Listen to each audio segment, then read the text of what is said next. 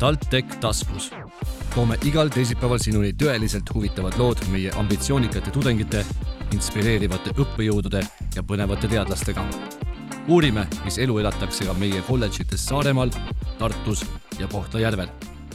kuula meid ja saad teada, kuidas me päriselt maailma muudame. tere tulemast TalTech taskusse.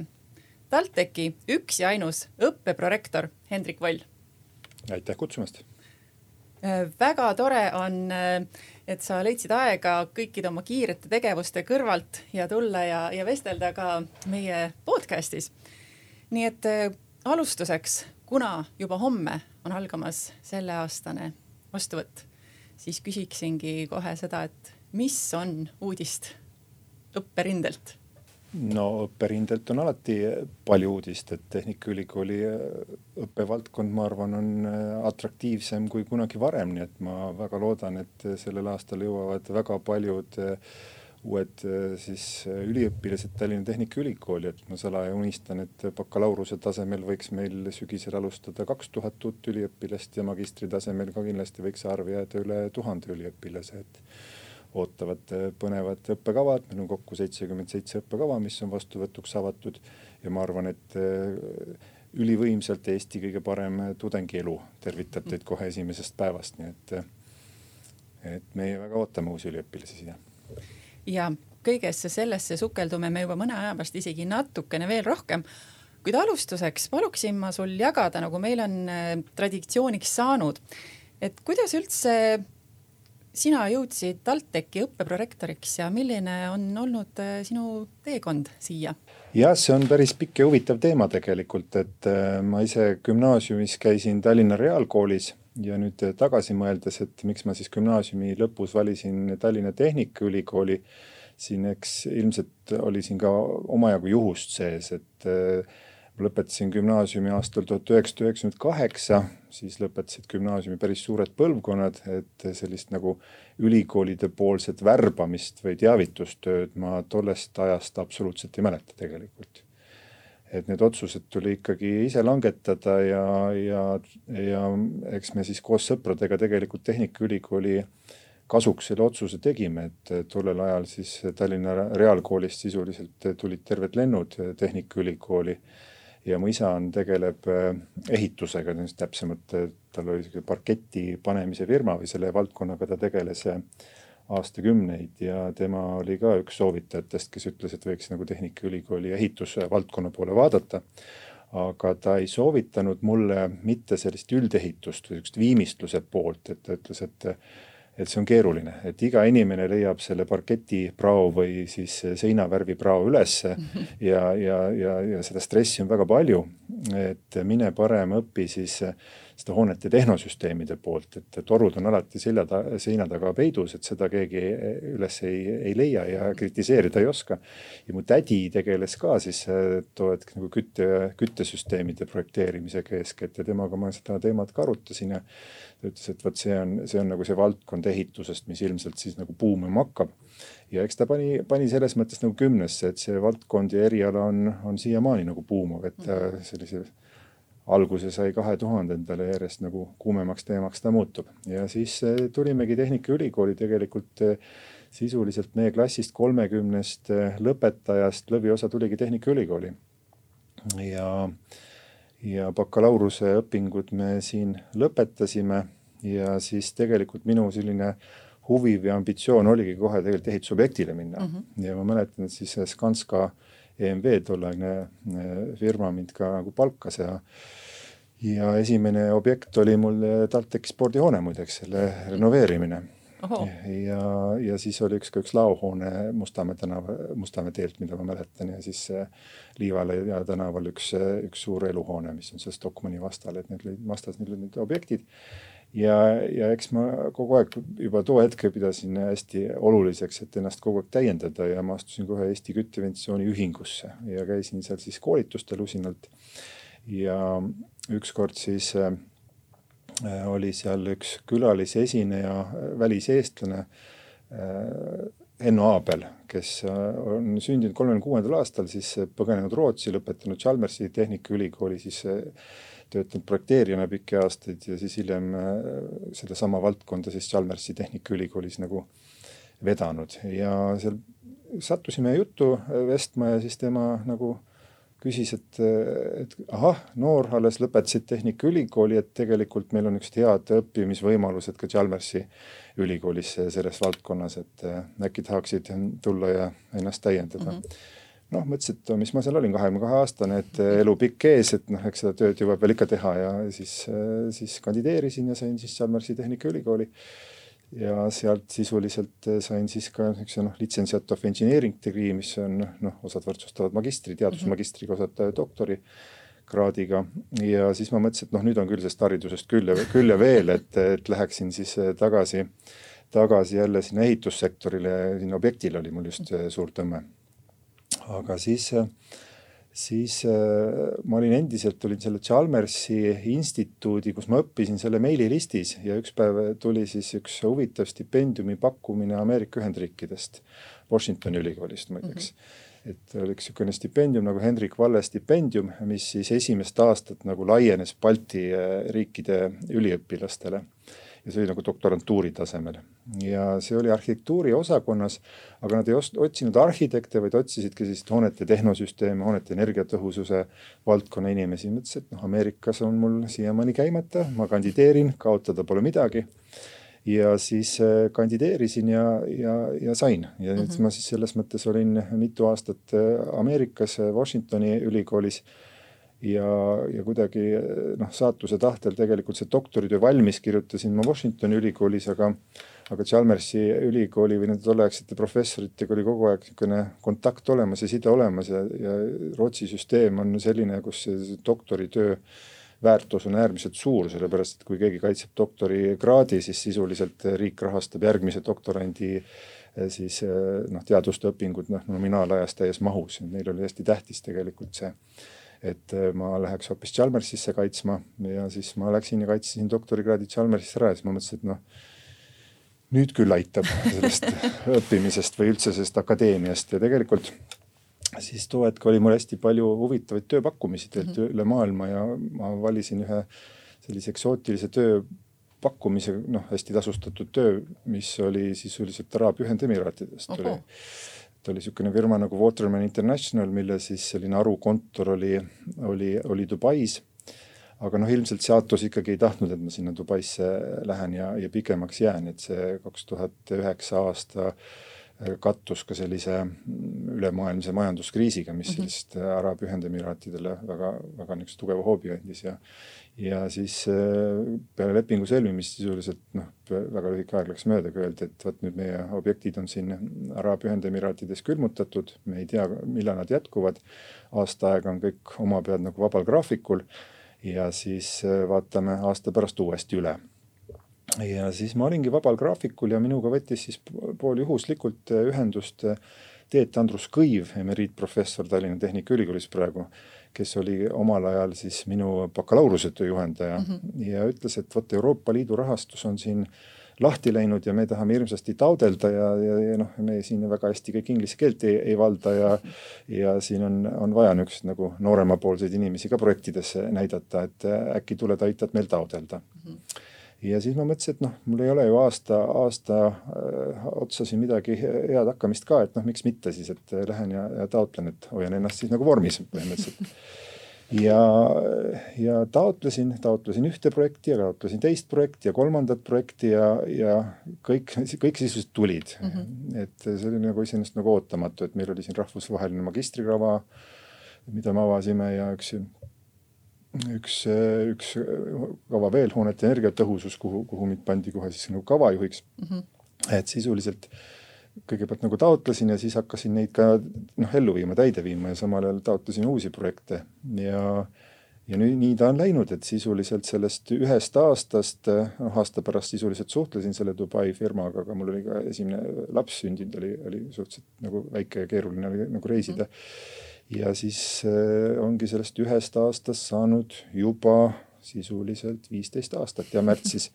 et ma olen siin teinud läbi kogu akadeemilise karjääri, et alustasin teadurina, siis olin pikalt dotsent, siis olin professor, õppeprodekaan, siis olen olnud eh, pro kolme programmi juht sisuliselt korraga. Ja kui ma siis üks hetk mõtlesin, et ring on peal, siis, siis, siis saatus tahtis kuidagi teisiti hoida mind siin Tehnikaülikooli juures, et kaks tuhat seitse aasta, kui ma sisuliselt tõesti olin nagu majast jälle ära minemas, kutsus siis tolleaegne rektor Jaak Aaviksoo mind enda juurde ja ja ütles, et meil on siin jah, õppebüroo rektorite selline vahetus praegu käsil ja ja kas ma oleksin huvitatud selle, selle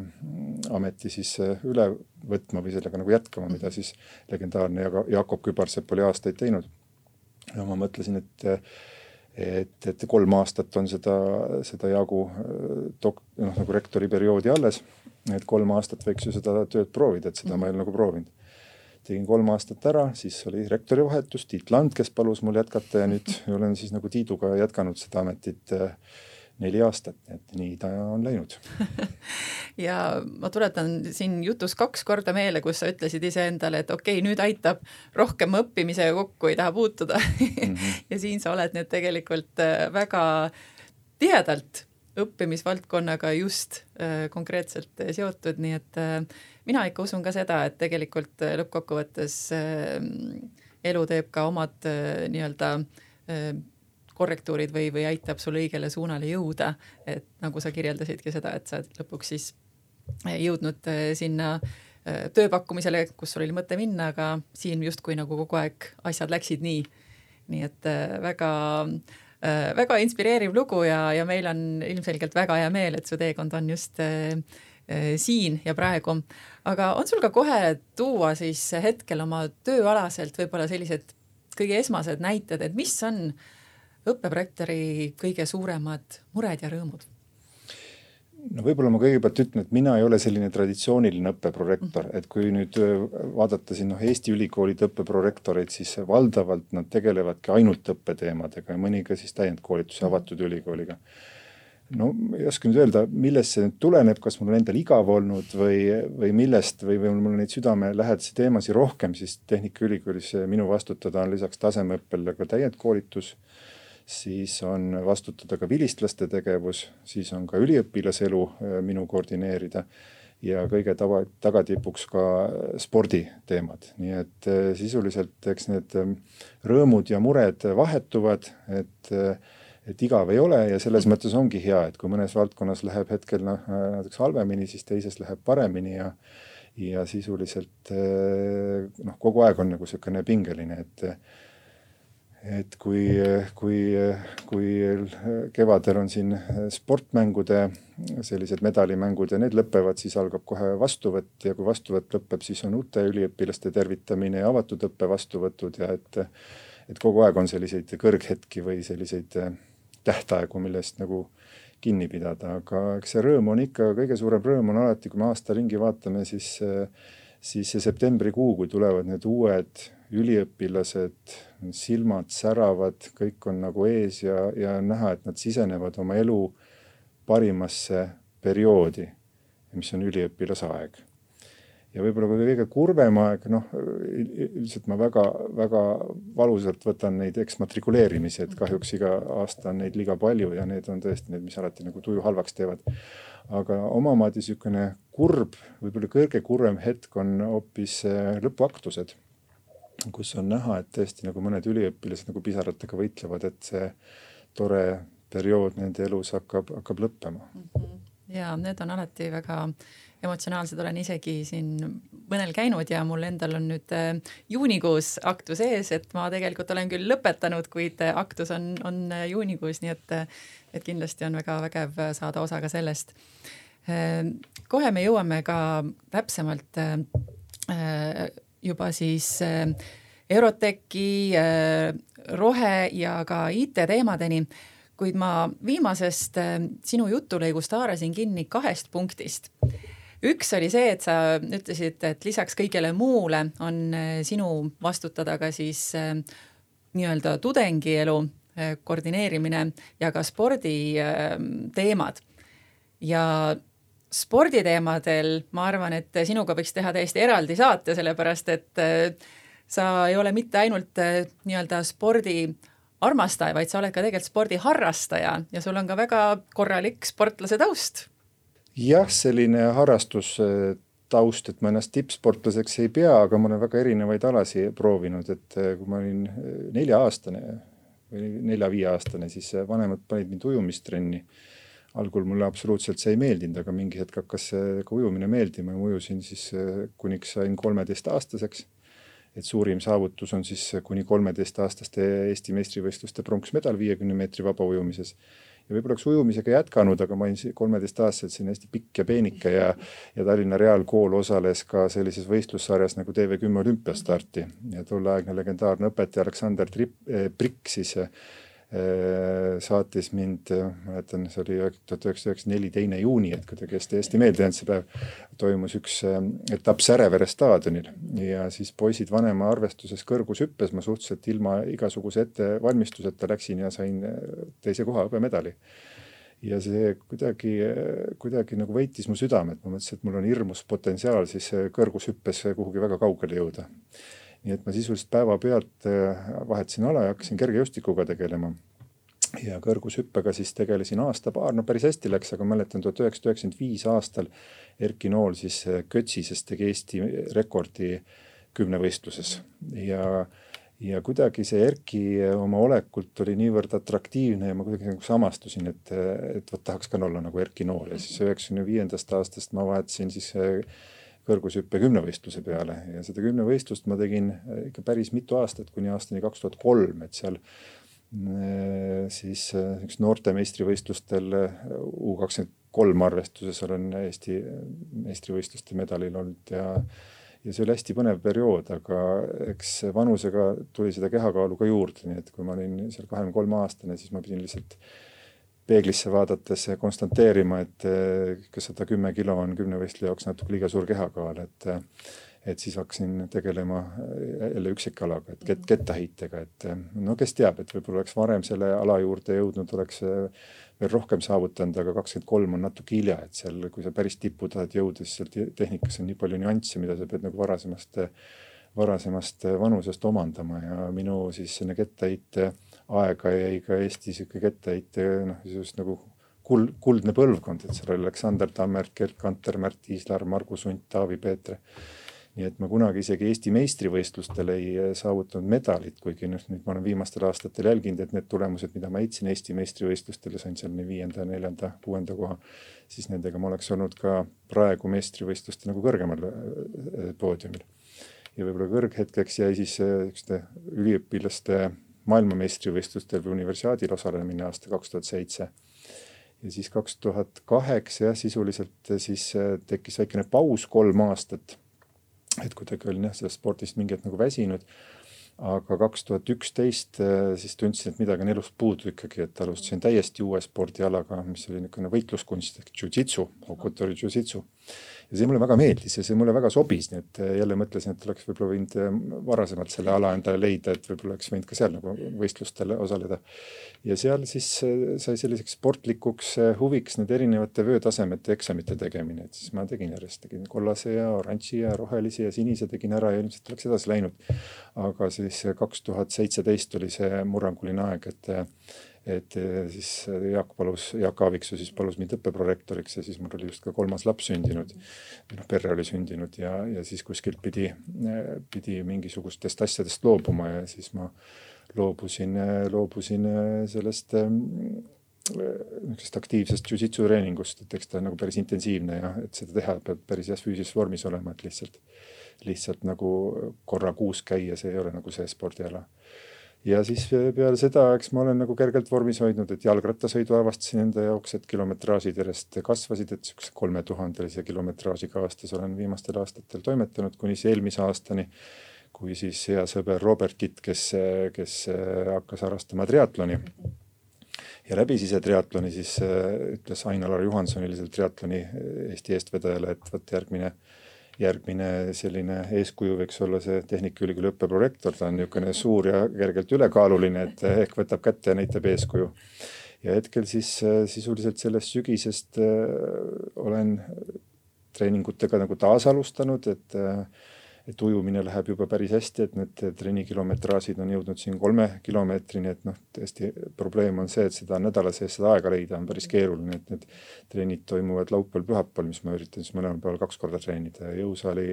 jõusaaliga olen ka taas alustanud, et vahepeal oli väga pikk paus sees ja, ja noh, jalgratas mul on, on hea, aga mure, murelaps on muidugi see jooksmine, et kehakaal kindlasti niisuguste maratoni jooksmisteks on hetkel liiga palju, eks ma pean ise selguseni jõudma, et kas mul on sellist nagu tahtejõudu ja aega see kehakaal nii alla võtta, et ka jooksmine oleks nagu lihastele jooksusõbralik või mitte.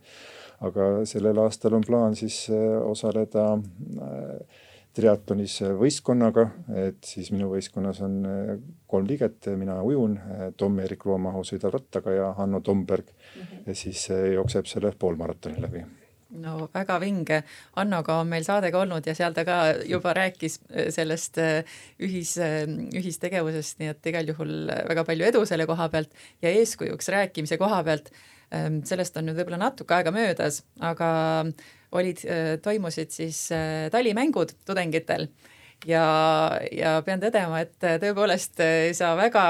eesrindlikult, eh, osa võtsid ka sellest osa ja nagu ma aru sain meie põgusast vestlusest, kui me siia stuudiosse jalutasime esimest korda elus, katsetasid ka talisuplust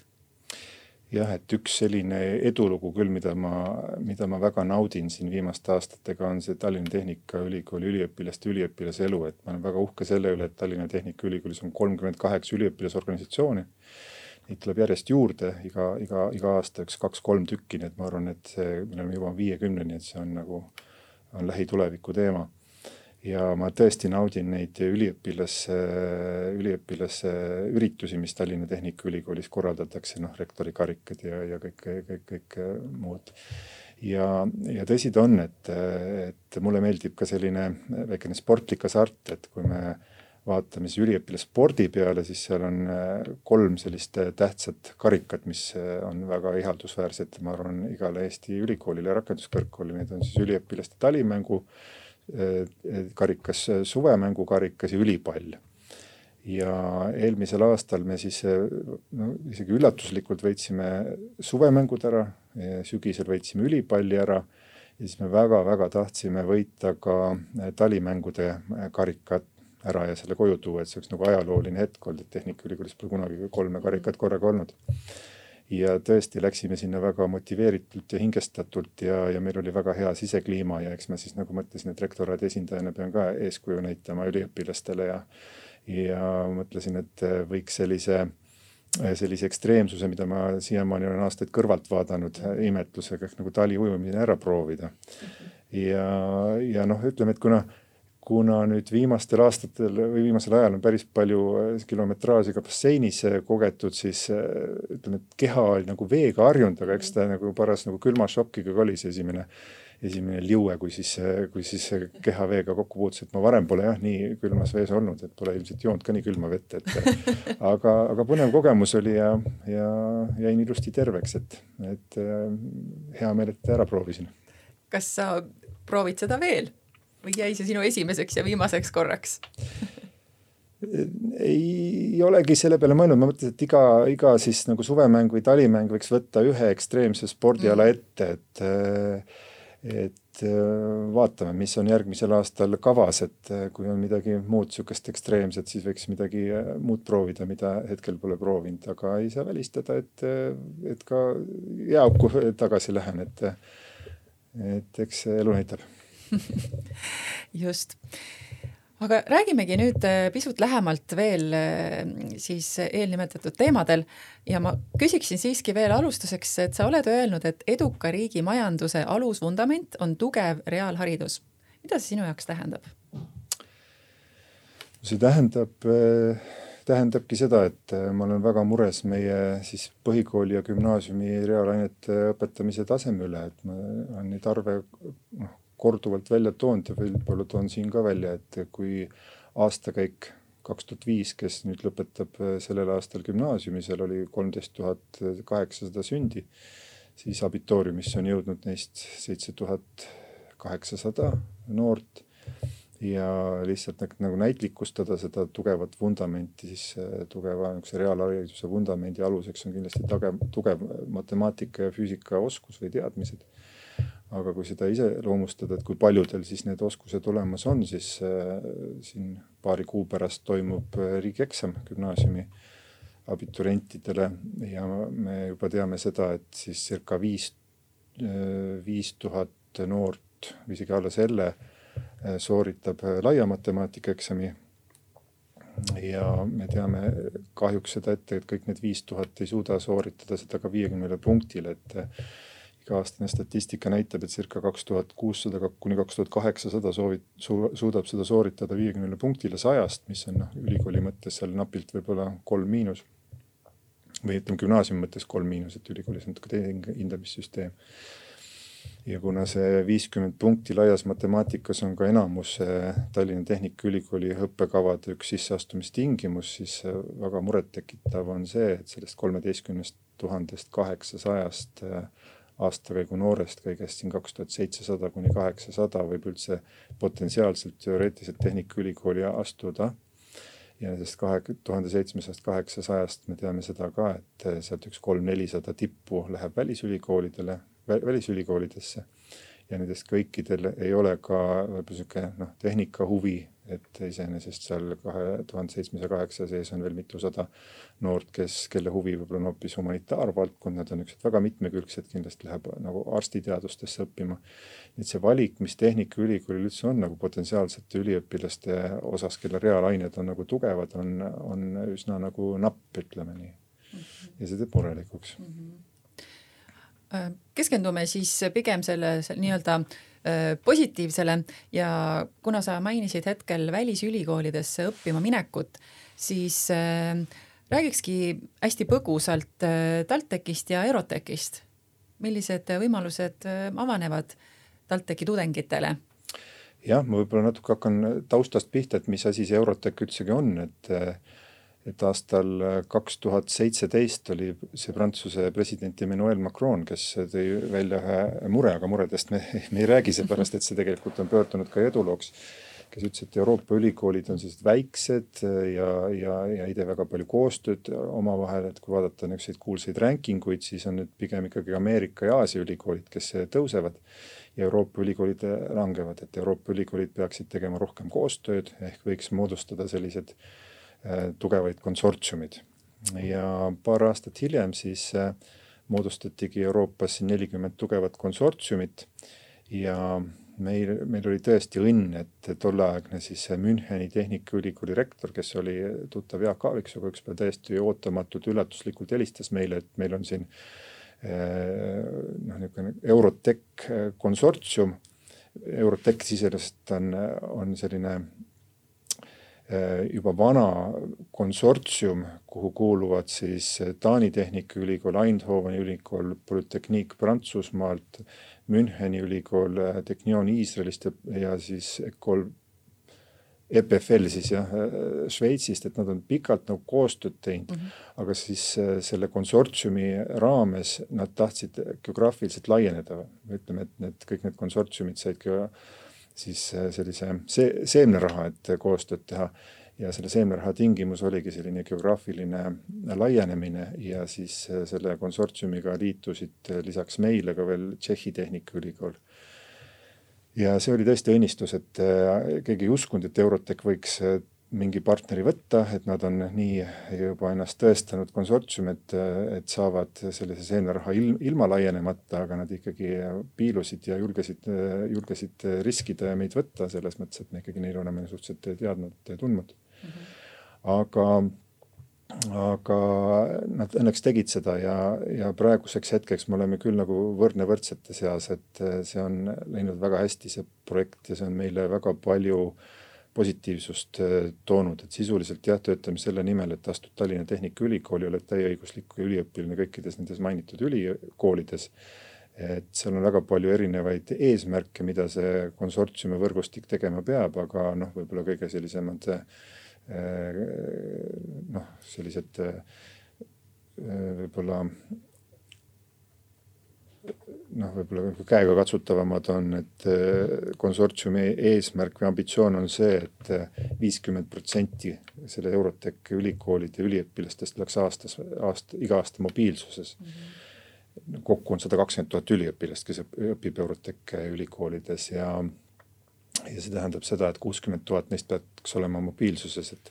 ilmselgelt nagu füüsiline mobiilsus võib-olla käib üle, üle jõu, ilmselt noh, seal on lihtsalt barjäärid juba need, et üliõpilaskohti või neid ühiselamuskohti on vähe.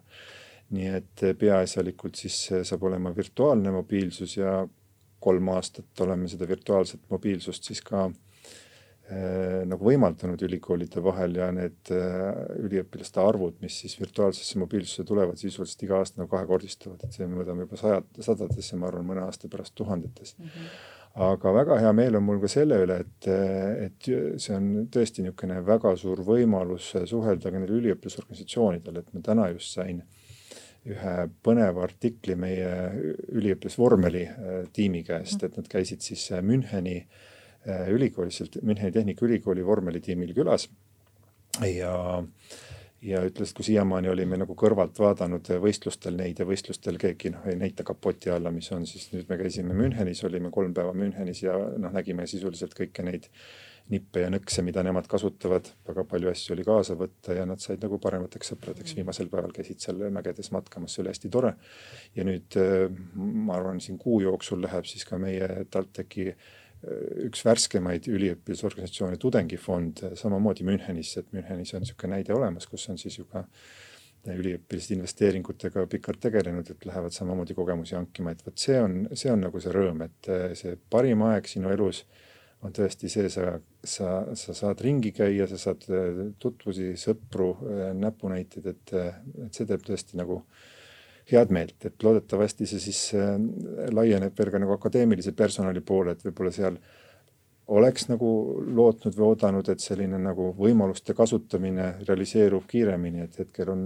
on, on ta kindlasti nagu toimimas, aga see võiks olla rohkem massides, aga küll ta läheb massidesse ka. ja äh, tõepoolest siin erinevate tudengitega vesteldes, kes on meil TalTech taskus külas käinud, äh, siis siin on ka tulnud jutuks ka euro, Eurotechi võimalused ja kuidas, kuidas nad on neid rakendanud. ja, ja see fond, millest sa just mainisid, sellest meil tegelikult tuleb ka tudengifond, millest, millest just jutt, juttu oli. et nendega tuleb meil ka eraldi podcast, kus siis juba kuuleb kõigest mm. lähemalt, sest et minu teada on nad kui mitte kõige uuem, siis üks uuemaid fonde, sest et nad alles eelmisel aastal vist alustasid vist oli jah, kolmekümne seitsmes üliõpilasorganisatsioon, et siin on teadusklubi tulnud äh, juurde ja ma ei ole nüüd selle vesiniku Tivoga ma ei ole nüüd kindel, kumb neist seal ennem oli, et neid praegu tuleb tõesti nagu seeni peale vihma. Õnneks see on ainult positiivne asi, et, et äh, vist päris jah, kõige värskemad ei ole mm. -hmm. juba, juba pursid ja veel natukene räägiks ka, kuna ma tean, et TalTechile on äh, väga tähtsad ka roheteemad, et ähm, millised on TalTechi peamised sammud rohelise mõtteviisi edendamise suunas nii õppetöös kui ka ülikooli elus igapäevaselt? no tegelikult, eh, kui me nüüd vaatame õppevaldkonna, siis äh, siin on tegelikult lausa kuus suurt sellist meedet, mis on Euroopa tasemel avanenud, et üks on tõesti selline rohepöörde meede, kus me hetkel teeme siis nagu õppekavades niisugust rohereformi, lisaks on siin äh, Eh, siis eh, nimetatud digipöördemeede, kus siis me värskendame siis inseneeria valdkonna õppekavasid. Eh, kaks nädalat tagasi avanes jälle IT Akadeemia jätkurahastus, kus me saame siis IT valdkonna õppekavasid värskendada ja, ja ajakohasemaks muuta ja võib-olla siis kõige suurem ja tähtsam projekt on üldsegi Inseneriakadeemia, mida me viimasel kolmel aastal oleme tegelikult tagant lükanud ja ja selles mõttes on ülihea meel, et nüüd eh, paar nädalat tagasi siis lõpuks jõudsime nii kaugele, et meie tegevuskava ka siis eh, sai heaks kiidetud, et nüüd me saame hakata ka reaalsete tegevustega toimetama, et Inseneriakadeemias on kolm, kolm eesmärki, et rohkem siis inseneriüliõpilasi, kaasaegsem õpe ja vähem väljalangejaid.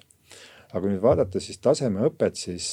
tasemeõppes on Tehnikaülikoolil viis sellist üldpädevust, mida me tahame, et iga Tallinna Tehnikaülikooli lõpetaja oleks omandanud, et üks on tõesti need rohepädevused, millest siin juttu oli,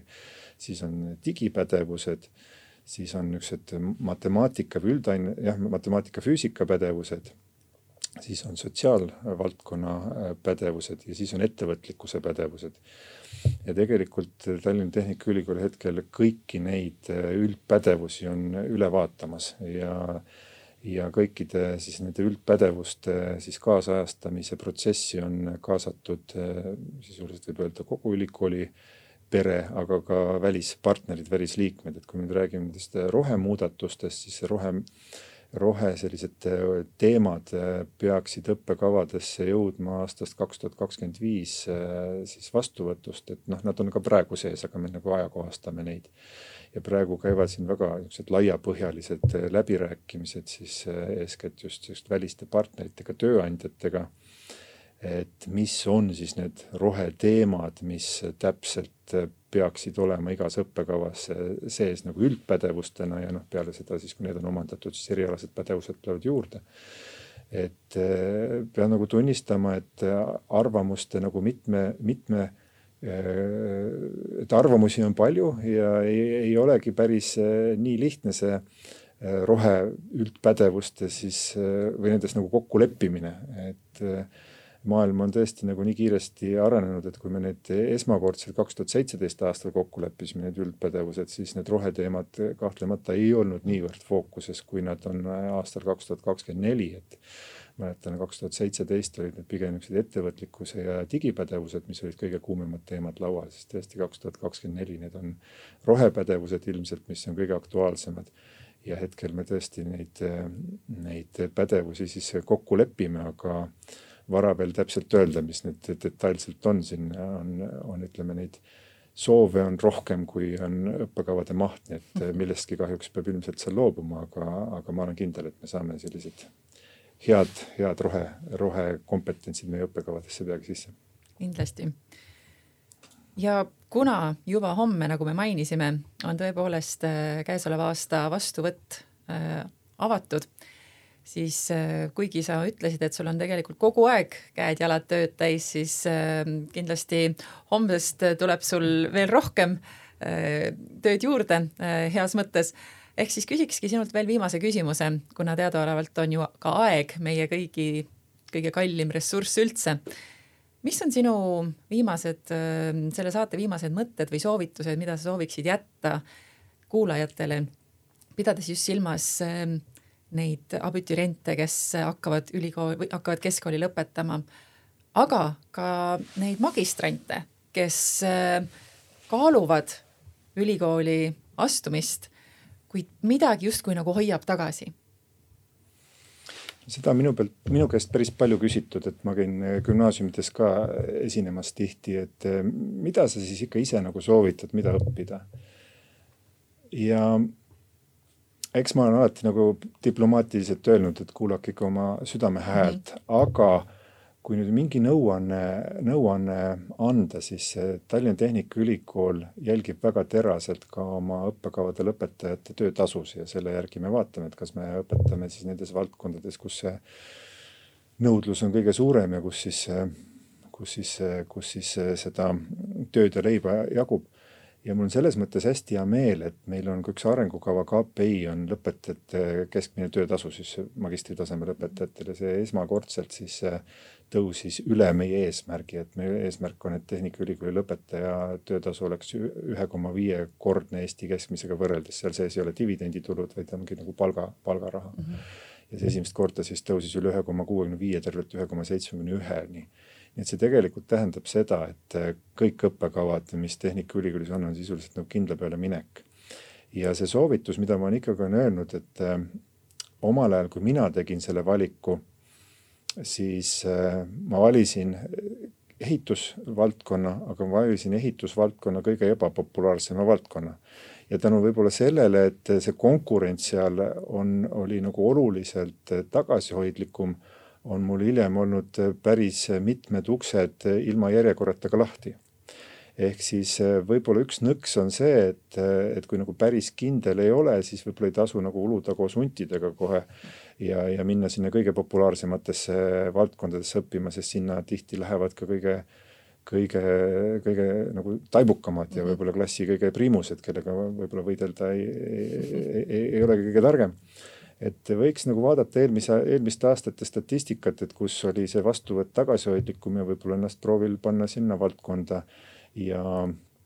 ja, ja, ja see võib-olla on tulevikus natuke lihtsam, et üldiselt Tehnikaülikooli need õppekavad on sellised laiapõhjalised, et selles mõttes ei ole vaja muretseda, et kui ma nüüd selle valiku teen, et siis ma pean terve elu mingisuguses kitsas valdkonnas toimetama. et on võimalik seda karjääri, karjääri noh, üsna laialt jätkata peale ja peale õppekava lõpetamist. ja noh, magistri, magistri mm, siis kavade poole vaatajatele võib-olla vastaks nagu inglise keeles, et see termin on lihtsalt eh, nii hea ja, ja lühike, et ma ei oskagi eestikeelset vastet teha, et kui sa oled kaua, kaua nagu mõelnud, siis why wait, just do it, eks ju, et, et et, et kindlasti järgmine aasta ei ole neid õpinguid alustada lihtsam kui sellel aastal, et et ähm, Tehnikaülikooli uksed on lahti ja me kindlasti ootame kõiki, kõiki huvilisi ja ja, ja, ja veel kord, et ma arvan, et see Tehnikaülikooli üliõpilase elu on, on nii hea, et äh, ka magistritasemel taas tunda seda rõõmu ja sihukest elevust, et, äh, et miks mitte. just ja võib-olla, kes teab, oled juba sa ise järgmine aasta see, kes tuleb, hüppab kuskile külma vette koos õppeprorektoriga, nii et et see võimalus on sul täitsa olemas. jah, miks mitte